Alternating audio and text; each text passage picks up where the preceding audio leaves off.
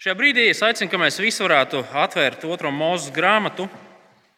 Un šīs dienas pārdomām lasīsim no 20. nodaļas, un lasīsim no 1 līdz 21. pantam. Un Dievs runāja visus šos vārdus: Es esmu kungs, tavs dievs, kas tevi izved no Ēģiptes zemes, no vergu nama.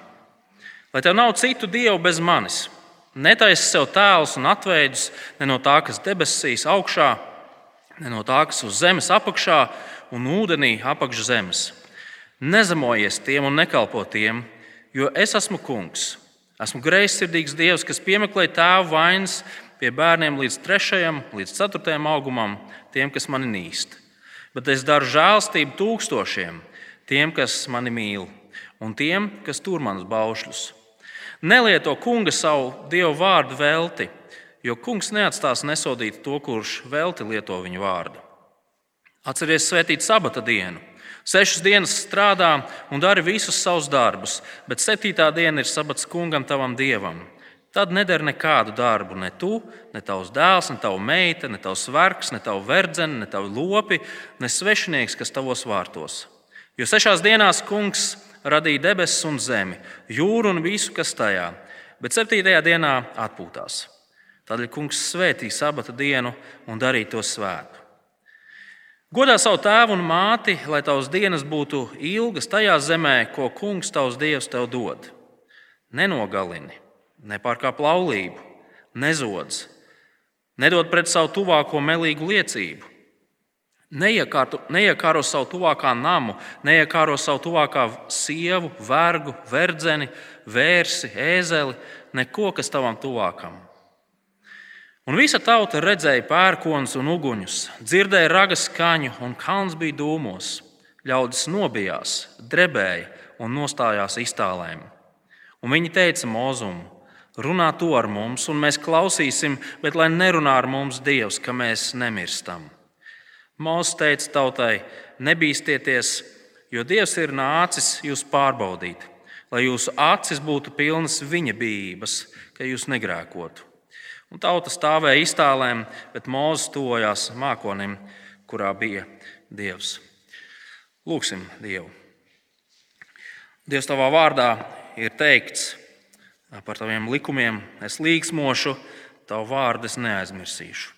Tad, debes Tēvs, šajā pēcpusdienā mēs lūdzam, palīdz mums saprast Tavu likumu, šos desmit baušļus, šos desmit vārdus, un dod, ka mēs tos sapratuši, varētu par tiem priecāties un tos nekad neaizmirst. To lūdzam Kristus vārdā. Amen. Es atļaušos vispārināt, sakot to, ka mēs dzīvojam laikos, kad cilvēki, daļa cilvēku, un, jo jaunāk šie cilvēki, jo, jo izteiktāk, nemaz nezina desmit baušļus. Tos nezina, un vēl vairāk cilvēki mūsdienās pretojās un iestājās pret jebkādiem noteikumiem un likumiem, kas šķietami ierobežo cilvēka brīvību, laimi un, un labsajūtu. Cilvēks automātiski salaco, salacās dzirdot teikumus, kas sākas ar vārdiem: Tev nebūs, vai tev būs. Un vēl jau vairāk, ja šie teikumi ir ņemti no tādas vecmodīgas un, un diezgan aizspriedumainas pēdiņās, protams, grāmatas kā Bībele. Un, protams, kad mēs domājam par likumu un baušļiem, mums jāsaprot, ka tā visa lieta ir diezgan sarežģīta. Mēs jau saprotam, ka likumi un noteikumi ir vajadzīgi, pareizi. Tas tie sakārto dzīvi, tie ļauj mums kaut kā funkcionēt šajā sabiedrībā. Tie pat pasargā mūs un dāvā uh, zinām brīvību, drošību un arī labklājību. Nu, piemēram, lai gan mēs varbūt apšaubām reizēm nu, kādu no ceļu satiksmes drošības noteikumiem, mēs tomēr priecājamies, ka mēs šeit nebraucam tā kā vienā otrā valstī.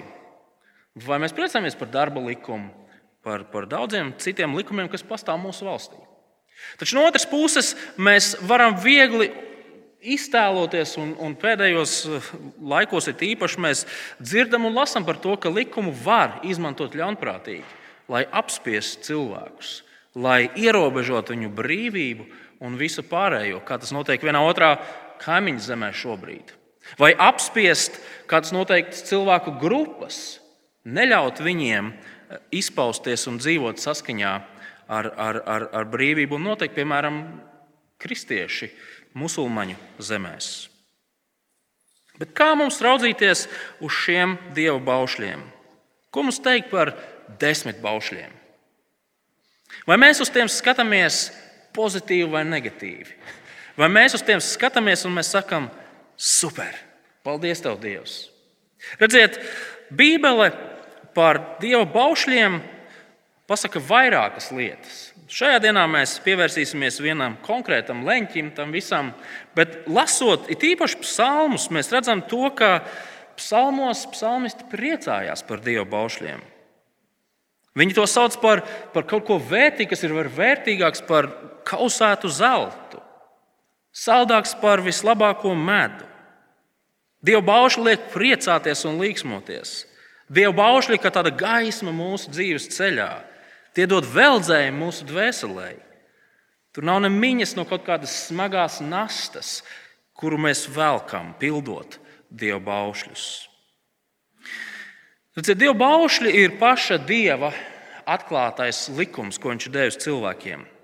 Un, ja reiz tas nāk no paša dieva, tas pats par sevi jau nozīmē to, ka tas ir kaut kas labs, svarīgs, vajadzīgs.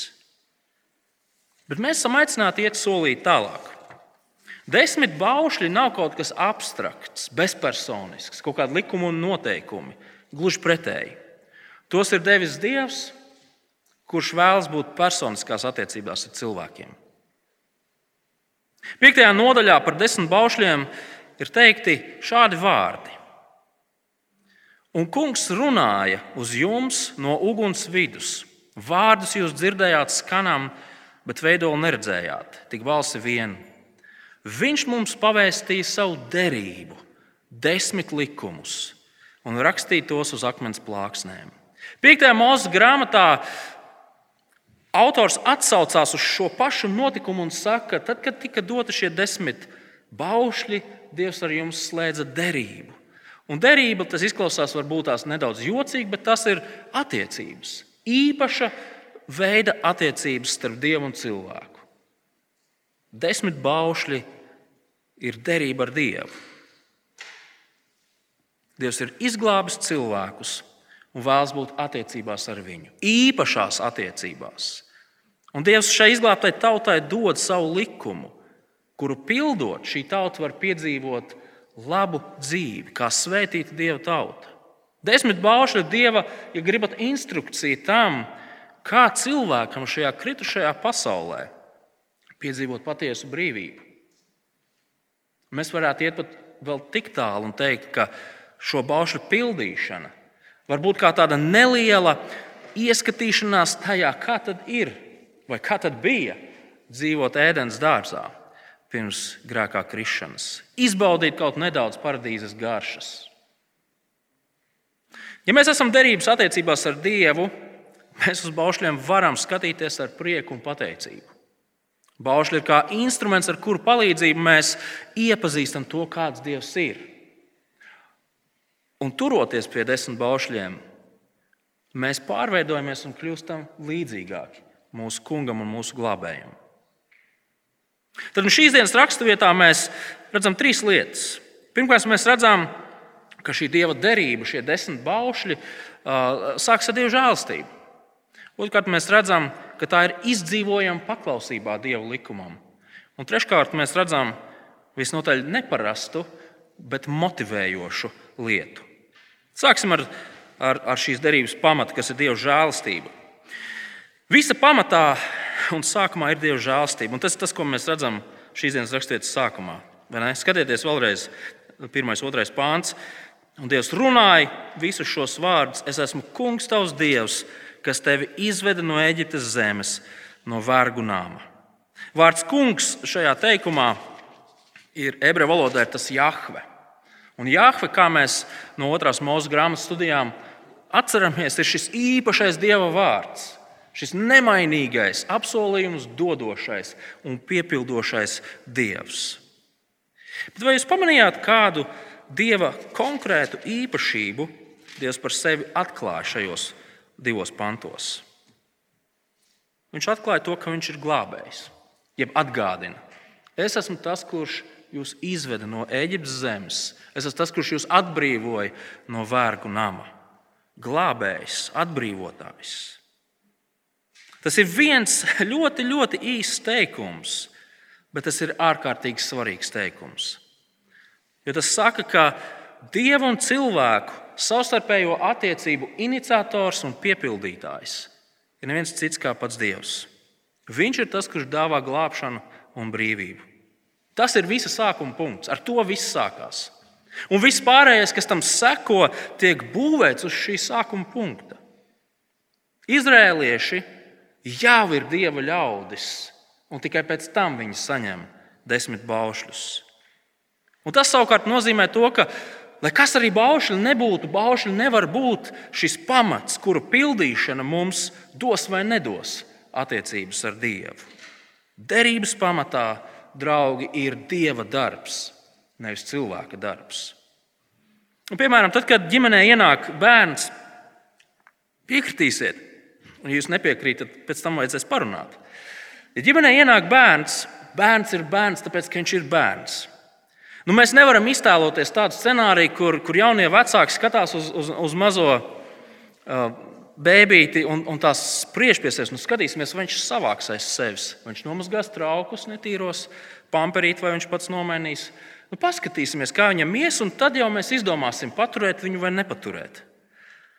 Vecāki, kas tā spriež, ir vai nu slimi, vai nu ļauni, vai arī savdabīgi humoru izjūta. Piekritīsiet. Bērns ir bērns, tāpēc ka viņš ir bērns. Viņš ir ienācis ģimenē un viss. Tas nodrošina viņa statusu. Taču mēs varam turpināt šo ilustrāciju. Vai tas, ka viņš ir šādi ienācis un saņēmis statu, bērnu statusu, vai tas nozīmē, ka viņam nav nekāda pienākuma ģimenē? Nē, to tas nenozīmē. Un jo lielāks bērns kļūst, jo vairāk ir viņa pienākumi, jo lielāks ir viņa atbildības. Lai viņš varētu dzīvāt, dzīvot labi un laimīgi ģimenē, kurā viņš ir ienācis, viņam ir jārūpējas par tām lietām, par kurām viņš ir atbildīgs. Protams, katra ilustrācija ir ar saviem ierobežojumiem, bet kaut kādā ziņā mēs varētu teikt, ka dieva attiecības ar izglābtajiem ļaudīm ir līdzīgas šai ilustrācijai. Dieva bauslībai ir sava vieta bet tā nekad nav attiecību sākums.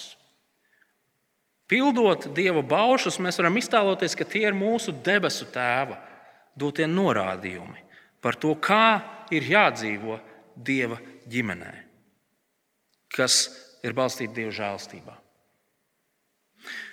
Ja mēs domājam, ka mūsu attiecības ar Dievu ir atkarīgas no tā, cik pilnīgi mums sanāk pildīt šos baušļus, Draugi, nepaies ne pāris dienas, kad mēs sāksim dzīvot izmisumā, bailēs, nedrošībā.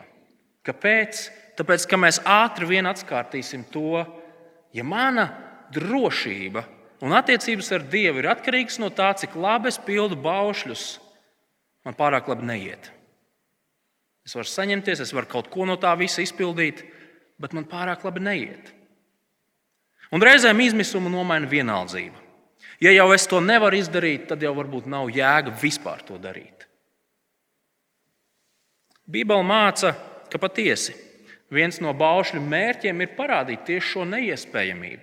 Cilvēks nevar neko pats izdarīt, lai izpelnītos attiecības ar Dievu. Viņam ir vajadzīga Dieva žēlstība. Mēs esam aicināti raudzīties uz žēlstību, ko Dievs parāda. Un Dievs parāda žēlstību tieši tādēļ, ka Viņš lieliski zina to, ka mēs paši saviem spēkiem nevaram sevi izglābt, nevaram veidot attiecības ar Dievu, nevaram turēties pie Viņa. Viss sākās ar Dieva žēlstību. Dievs, kurš žēlstībā nepelnīti izglābj ļaudis, kur neko nav labāk par visiem citiem. Un tad, kad mēs esam satvēruši šo Dieva brīnišķīgo žēlstību kā visa sākuma punktu, mēs esam aicināti ķerties klāt baušļiem. Un es ceru, ka kādā brīdī mums, mums izdosies uztaisīt varbūt atsevišķu sprediķu sēriju par visiem desmit baušļiem, Tad šajā reizē mēs vienkārši mēģināsim ieraudzīt lielos, svarīgākos principus, kas slēpjas aiz šīs raksturvietas. Kas tad ir šie desmit baušļi, šis dieva likums? Reizēm es nezinu, varbūt jūs esat dzirdējuši, ka cilvēki saka, ka desmit baušļi ir sarakstīti uz divām plāksnēm. Uz vienas plāksnes visi tie likumi, kas attiecās uz cilvēku attiecībām ar Dievu, un uz otras plāksnes visi tie baušļi, kas attiecās uz cilvēku attiecībām ar citiem cilvēkiem. Godīgi pateikšu, ka es neko nezinu par to, cik baušļi ir uz katras plāksnes uzrakstīti un kādā viņi tur ir tajā dalījumā. Taču skaidrs ir viens, ka uzmanīgi lasot šos baušļus, mēs tā arī varētu teikt. Daļa no šiem baušļiem ļoti tieši runā par to, kā cilvēkam attiekties pret Dievu, un daļa no tiem runā par to, kā mums savā starpā dzīvot. Un to pašu atbalsta arī Jēzus. Kad viņam jautāja, kāds tad ir augstākais bauslis, klausieties, ko Jēzus atbildēja. Mīli kungu savu dievu no visas sirds un no visas dvēseles, ar visu prātu, visu spēku.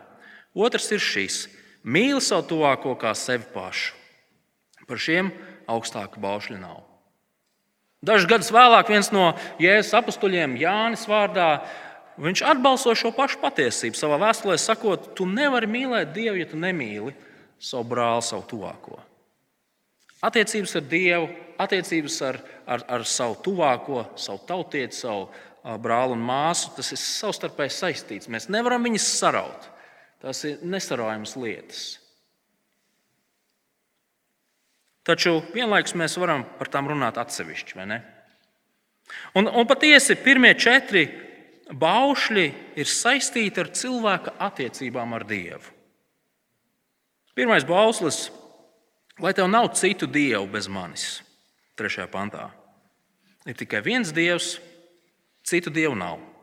Jā, reizēm rakstos autori runā par to, ka ir vēl kādi dievi, kādas dievības, taču mums ir jāsaprot viena lieta. Bībele ļoti skaidri pasaka to, ka kategorijā dievs atrodas tikai un vienīgi viens vārds.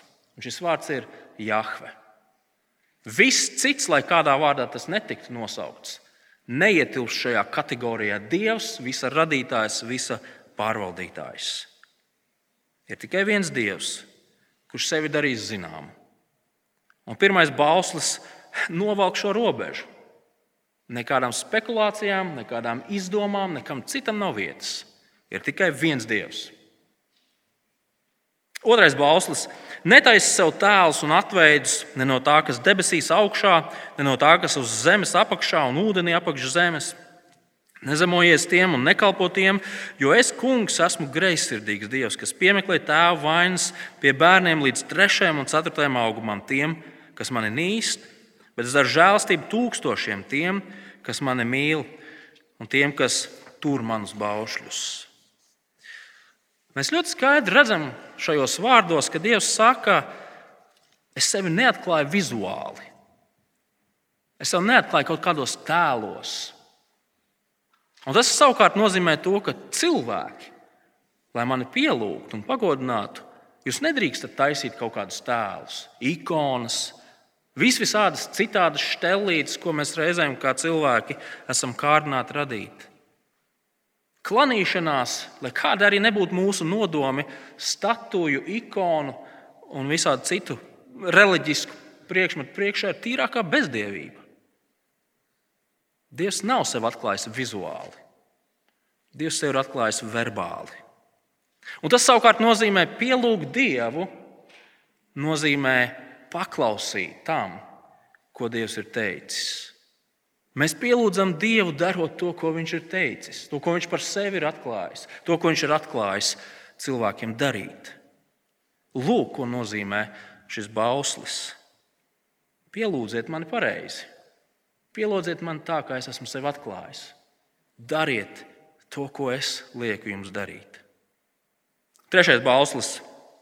Nelieto kungi savu dievu vārdu velti, jo kungs neatstās nesodīt to, kurš velti lieto viņa vārdu.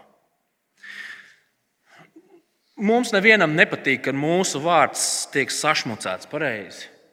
Laiku pa laikam, tepatās pa rajonu staigājot, mēs varam redzēt kādu personu vārdu, un tur kaut kāds rupšs turpinājums. Nu, tā slikti paliek ap dušu, pat ja mēs zinām to, ka tas nav par mums iespējams, nemaz rakstīts. Dieva vārdu nedrīkst sašmucēt. Dieva vārds ir svēts un neaizskarams. Viņa reputāciju nedrīkst graut.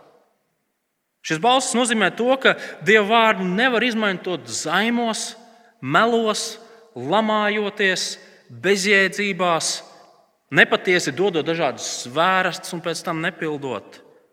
Tas viss nav pieņemams. Jūdi, vismaz kāds grupējums no jūdiem, gāja pat tik tālu, ka viņi dievu vārdu vispār neizrunāja. Tajā, tad, kad viņi lasa veco derību un ieraudzīja šo jahve, šo tetragrammu, viņi lieto citu vārdu. Viņi neizmanto šo dievu vārdu. Bībele neko tādu nepavēl, taču mēs varam saprast to, ka viņi ciena Dievu un viņa vārdu. Amerikāņu mācītājs un, un daudz, daudz grāmatu autors uh, Sprauls savā grāmatā Dieva svētums arī raksta par to, ka ikreiz, kad viņš runā, vai precīzāk sakot, raksta par Dievu, kādas grāmatas vai ko citu, viņš pat Dieva personu vārdu raksta ar lielo burtu. Viņš ar lielo V. Viņš to nedara kaut kādu reliģisku iemeslu dēļ. Viņš šajā grāmatā saka, ka viņš to dara sevis dēļ. Lai reiz viņš būtu spiests atcerēties to, ka Dievs īstenībā ir daudz lielāks par visu. Dieva vārds viņu nedrīkst sašmucēt. Viņu nevar izmantot bezjēdzīgi. Ceturtais bauslis. Atcerieties, svētīt sabata dienu. Sešas dienas strādā un dara visus savus darbus, bet septītā diena ir sabats kungam, tavam dievam. Tad nedara nekādu darbu. Ne tu, ne tavs dēls, ne tava meita, ne tavs vergs, ne tava verdzene, ne, tie, ne tavi lopi, ne svešinieks, kas tavos vārtos. Jo sešās dienās kungs radīja debesis un zemi, jūru un visu, kas tajā, bet septītajā dienā atpūtās. Tādēļ kungs svētīja sabatu dienu un darīja to svētu. Nav nekāds noslēpums, ka mums visiem ir nepieciešams brīvdienas. Mēs nevaram skriet kā tādi roboti bez apstājas. Mums vajag dienas, kad mēs varam izgulēties, kad mēs varam atpūsties, kad mēs varam neiet uz darbu, neiet uz skolu. Tas ir normāli, mēs tā esam radīti. Dievs mūs tādus ir veidojis. Tad šis bauslis mums pasaka to, ka mūsu atpūtas dienas, šīs svētdienas mūsu gadījumā, viņas nav tādas bezmērķīgas un bezjēdzīgas atpūtas. Tā var būt mērķiecīga atpūta. Diena, kurā mēs varam ļoti mērķiecīgi pavadīt laiku kopā ar Dieva ļaudīm, domājot par Dieva vārdu, dziedot Dievam slavu, griežoties pie Dieva kopā kā drauga lūgšanās un tā tālāk un tā joprojām. Īpaša diena, kurā mēs varam laiku īpaši veltīt Dievam. Tāpēc, ka piekritīsiet, mūsu aizņemtajā ikdienā jau grūti ir. Jā, mēs cenšamies no rīta, pusdienas pārtraukumā vai vakarā Bet, ja godīgi, tad ir ļoti grūti tajā nedēļas aizņemtajā ritmā pievērsties Dievam. Tad nu svētdiena, šī viena diena, kad mēs to varam darīt. Es atzīšos, ka ir ārkārtīgi skumīgi dzirdēt kristiešus, kas saka, zina, dievkalpojums jau ir forša lieta, bet viņš tik bieži traucē atpūtai. Jā, mums visiem ir vajadzīgs tādas svētdienas, kad mēs varam palikt mājās, pagulšņāt. Un reizēm mums būs svētdienas, kurās mums ir jāstrādā, un kad mēs būsim kaut kur aizņemti ar citām lietām. Taču teikt, ka būšana kopā ar citiem kristiešiem, Dieva vārda klausīšanās un pārdomāšana, Dieva slavas dziedāšana, lūkšana, ka tas kaut kā traucē atpūtai, liecina par to, ka kaut kas nav kārtībā. Pirmie četri baušļi - cilvēks un dievs. Ir tikai viens dievs, kas ir pielūdzams tā, kā viņš sevi ir atklājis, darot to, ko viņš ir teicis. Viņa vārds ir tik svēts, viņš ir tik īpašs, ka viņu nevar vienkārši bezjēdzīgi izmantot. Un visbeidzot, ir viena diena nedēļā, kad mēs varam visi kopā mērķiecīgi domāt par šo vienu dievu radītāju. Vai jūs pamanījāt to, ka šie četri baušļi ietekmē visu cilvēku? Gan sirds attieksmi, Gan to, ko mēs sakām, gan to, ko mēs darām. Tie ir visaptvaroši. Mēs esam aicināti būt visaptverošās attiecībās ar Dievu. Visu, kas mēs esam, visu, ko mēs sakām, ko mēs domājam, savā sirdī, ko mēs darām. Tas ir tas, uz ko mēs esam kā Dieva ļaudis aicināti. Viņš ir parādījis mums žēlstību, un mēs esam aicināti atsaukties šādi dzīvojot, kā Dieva ļaudis. Bet iesim uz priekšu, jo atlikušie seši baušļi īpaši runā par cilvēku savstarpējām attiecībām. Piektais bauslis - godā savu tēvu un māti, lai tavas dienas būtu ilgas tajā zemē, ko kungs tavs dievs tev dod. Bērni ir aicināti paklausīt saviem vecākiem, cienīt viņus. Šāda pareizi funkcionējoša ģimene nodrošinās to, ka šī tauta, un ar to es domāju Izraēla tauta, Viņi varēs ilgi dzīvot tajā zemē, ko Dievs viņiem ir devis. Te nav ikurāta runa par to, ka būsi paklausīgs tētim un mammai un dzīvos līdz 150 gadiem. Par to te nav runa. Te ir runa par to, ka ilgi varēs dzīvot tajā zemē, ko Dievs ir devis, šajā apsolījuma svētības zemē. Starp citu, šis bauslis atklāja to, ka Dievs ticīgo vecāku bērnus uzskata par pilntiesīgiem derības locekļiem kur, kuriem jau no mazotnes ir jāmācās, kā dzīvot kā dievu ļaudīm, un, un jādzīvo kā dievu ļaudīm. Tas, protams, nenozīmē, ka piedzimstot kristīgā ģimenē bērns automātiski kļūst par kristieti, bet par to mēs šodien nerunāsim, jo šī rakstiet par to arī nerunā. Sastais bauslis - nenogalini. Dzīvība dievam ir īpaša. Tā ir jāsargā, tā ir jāuztur. Jebkāda veida nelikumīga nogalināšana ir pretēja Dieva gribai. Septītais balss nepārkāpj laulību. Dievs ir izveidojis laulības attiecības. Viens vīrietis, viena sieviete līdz mūža galam, uzticības pilnās, tuvās attiecībās. Laulība ir jāaizstāv. Laulība nevar pasludināt par vecmodīgu un miskastē izmetamu. Dievu ļaudīm ir jāsargā Dieva noteiktā laulības kārtība. Astotais bauslis - nezods. Vienīgais veids, kā kaut kas var nonākt mūsu īpašumā, ir tad, ja mēs to nopērkam, kāds mums to uzdāvina, vai mēs kaut kā citādāk to nopelnām. Nevienmēr pat atrasts, atrasts nav zakts. Bieži vien mēs atrodam māku, skatāmies, o, Pēterim Petersonam, bet nekas, es nezinu, kas tas Pēters Petersons tāds ir, es paturēšu sev tas arī būtu zakšana.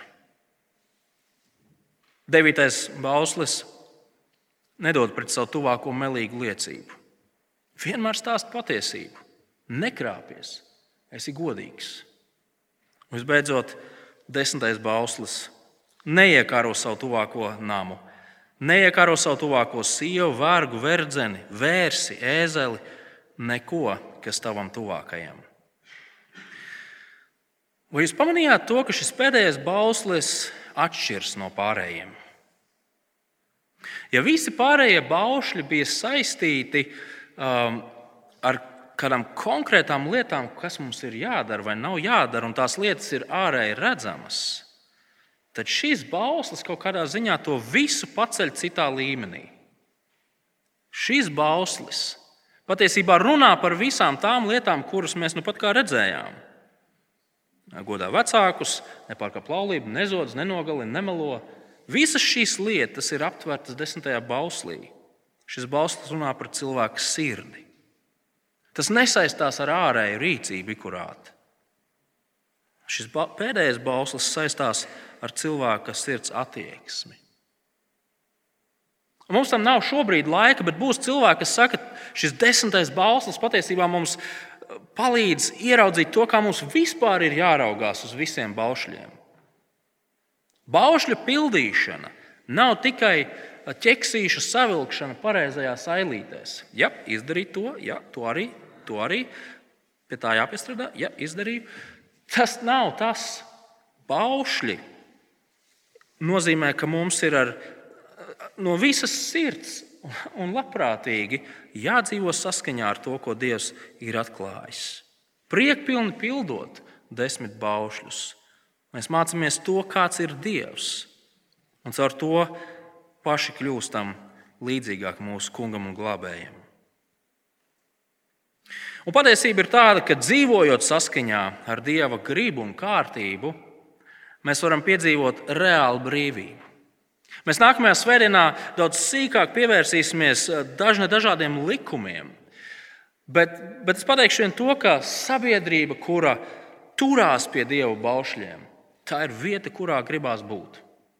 Nu, patiešām, nu, iztēlojieties vietu, kurā ir stipra, uzticīga laulība, kur neviens nezog, nemelo, nenogalina, pat domās, nedomā par tevi slikti un tā tālāk. Tā joprojām. Kur cilvēki pielūdz vienu dievu. Jūs negribētu kā kristieši dzīvot tādā vietā. Mēs gribētu un mēs dzīvosim. Dieva valstī būs šāda vieta. Bet arī uz šīs zemes turoties pie šiem baušļiem, kā jau es pašā sākumā teicu, mēs varam nedaudz izgaršot to, kā tas ir. Kādu piepildījumu, un prieku un brīvību dod tas, ka mēs dzīvojam saskaņā ar Dieva vārdu. Dievs savā žēlstībā izglāba cilvēkus, lai būtu derības attiecībās ar šiem izglābtiem cilvēkiem. Un Dievs deva šiem cilvēkiem savu likumu, lai šie cilvēki varētu dzīvot kā Dieva ļaudis, paklausībā viņam. Tad šīs dienas raksturvieta beidzas ar tādu nelielu realitātes devu. Skatieties no 18. panta. Un visa tauta redzēja, pērkons un uguņus, dzirdēja raga skaņu, kalns bija dūmos, ļaudis nobijās, drebēja un nostājās iztālēm. Un viņi teica, Mozum, runā tu ar mums, un mēs klausīsim, bet lai nerunā ar mums Dievs, ka mēs nemirstam. Mozus teica tautai, nebīsties, jo Dievs ir nācis jūs pārbaudīt, lai jūsu acis būtu pilnas viņa bijības, ka jūs negrēkotu. Un tauta stāvēja iztālēm, bet mūsu tuvojās mākonim, kurā bija Dievs. Ļaudis dzirdot dieva balsi caur pērkoniem, caur, caur zibeņiem, caur dūmiem un vispār viņi pārbijās. Šī raksturvieta īstenībā parāda to, ka cilvēki tolaik nepazina Dievu, viņi nezināja līdz galam, kāds viņš ir. Viņiem likās, ka Dievs viņus pazudinās, noslaucīs no zemes virsmas. Viņi baidījās no tā, no kā viņiem nevajadzēja baidīties. Un tieši tas ir tas, ko Mozus saka 20. pantā, lai, jūs, lai jūsu acis būtu pilnas viņa bijības, ka jūs negrēkotu. Dieva bijība saskaņā ar Dieva vārdu ir tas, kas Dieva ļaudīm, Dieva derības ļaudīm palīdzēs dzīvot kā Dieva ļaudīm palīdzēs viņiem turēties pie tās derības, ko Dievs viņiem ir devis. Palīdzēs paklausīt Dievam, dzīvot paklausībā un negrēkot. Tad mēs atkal varam izmantot vecāku un bērnu piemēru. Vecāki paklausa saviem, gribu, galīgi, galīgi to mēs atceļam. Bērni paklausa saviem vecākiem. Gan arī no kanceles tādas muļķības sarunājot bērni paklausa saviem vecākiem, jo viņi kaut kādā ziņā bīstas savu vecāku. Tur nav runa par kaut kādu tādu despotisku, tirānisku varu un valdīšanu. Nē, bērni zina, ka viņu vecāki ir stipri, ir gudri, viņi ir galvenie. Viņi pērk pārtiku, viņi maksā rēķinus, viņi aizved uz skolu, un dara daudzas citas labas un brīnišķīgas lietas, taču vienlaikus vecāki nav viņu čomiņi. Viņi nav viņu skolas biedri. Vecāki ir autoritāte bērniem. Un tāpēc bērni dzīvo paklausībā. Nevis baidoties un raustoties no vecākiem, lai gan reizēm, uh, diemžēl, tā arī gadās. Viņi klausa, tāpēc ka viņi ciena un bīsta savus vecākus. Tieši to pašu mēs varētu pateikt par darba ņēmēju un darba devēju attiecībām. Pareizi. Darba ņēmējs viņš, viņš uh, respektē darba devēju, viņš dara to, ko darba devējs saka. Vai skolēns un skolotājs, students un pasniedzējs. Visā šajās attiecībās pastāv veselīga cieņa un bijība, no kuras tad izriet mūsu paklausība un rīcība. Mozus saka, ja mūsu sirdī nav bība Dieva priekšā, mēs grēkosim. Mēs daudz vieglāk pakļausimies vēlmei grēkot. Mēs necīnīsimies ar grēku. Taču jo vairāk mēs apzināmies to, ka Dievs ir autoritāte mūsu dzīvē, jo lielāku spēku mēs saņemsim cīņā ar grēku. Jo lielāka būs mūsu vēlme dzīvot saskaņā ar to, ko Dievs ir teicis. Un tas viss gal galā izriet no tā, ko mēs domājam par Dievu. Kāds viņš ir? Mozus savus tautiešus mudina uz absolūtu lojalitāti šim varenajam, svētajam, glābējam, žēlastības dievam, labajam dabas tēvam. Apstults Pēters savā pirmajā vēstulē mudināja kristiešus arī dzīvot bībā tēvu priekšā. Un arī Pēters nerunā par paniskām bailēm vai par kaut kādu paralīzi šī mežonīgā spēka priekšā. Nē, Pēters turpinot runāt ar kristiešiem, viņš saka, ka tas viss ir tādēļ, ka jūs esat dārgi atpirkti ar Kristus asinīm. Jūs, kā kristieši, esat ceļā uz savām dabas mājām pretī nevīstošajam mantojumam, ir tas, ko Pēters saka. Bet kamēr jūs esat ceļā, dzīvojiet bīdamies Nevis apstākļus, nevis cilvēkus, nevis to, kas ar jums notiek, nevis slimības, nāvi, vispār, bet bīsties no kunga.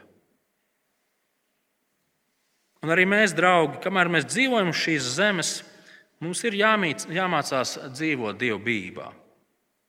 Kāpēc? Tāpēc, ka tas mums palīdzēs situācijās, kurās jūtam kārdinājumu darīt lietas, kas nesaskan ar mūsu kristīgo identitāti Kristū. Tas mums palīdzēs situācijās, kurās mēs būsim kārdināti vairāk bīties no tā, ko cilvēki par mums teiks vai domās. Bībele no Dieva mums palīdzēs situācijās, kad vispār apstākļi jūg un brūk.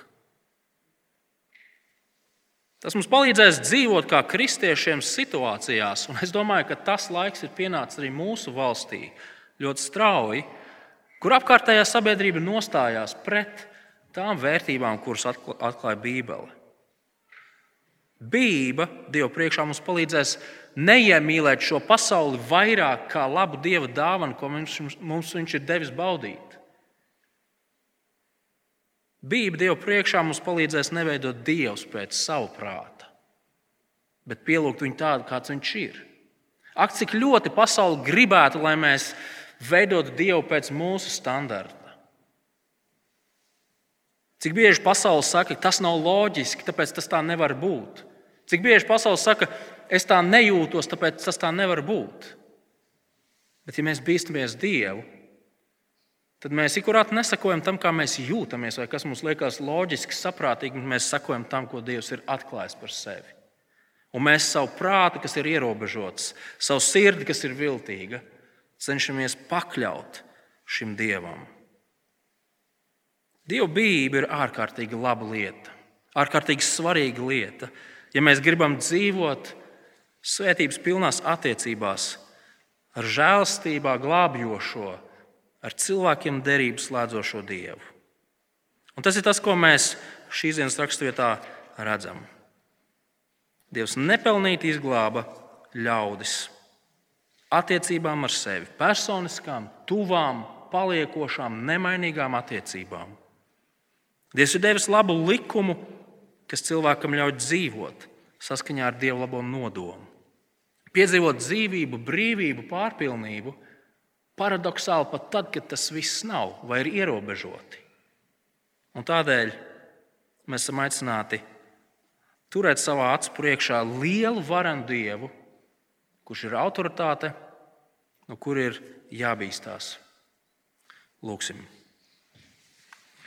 Labais dabas tēvs, mēs pateicamies par Kristu ka caur Kristu mēs varam tuvoties Dieva žēlstības tronim. Caur Kristu mēs neraustamies no Dieva, nebaidāmies kā no tāda iznīcinoša spēka. Tā vietā mēs pareizi un veselīgi raugāmies uz savu debesu tēvu, tieši tā kā uz tēvu. Dievs palīdz mums arī šajā pēcpusdienā šos vārdus pārdomājot, patiesi ilgoties dzīvot šajā žēlstības attiecībās, kuras tu mūs, kurās tu mūs esi ielicis. Tās palīdz, ka mēs varam dzīvot paklausībā Tavam vārdam, gan savā sirds attieksmē, gan vārdos, gan darbos. Un to, ka tad, kad mums tas nesanāk, mēs nepadotos, neatmest ar roku, bet celtos un tavā žēlstībā turpinātu iet uz priekšu. Un mēs esam pārliecināti, ka kādu dienu mēs būsim vietā.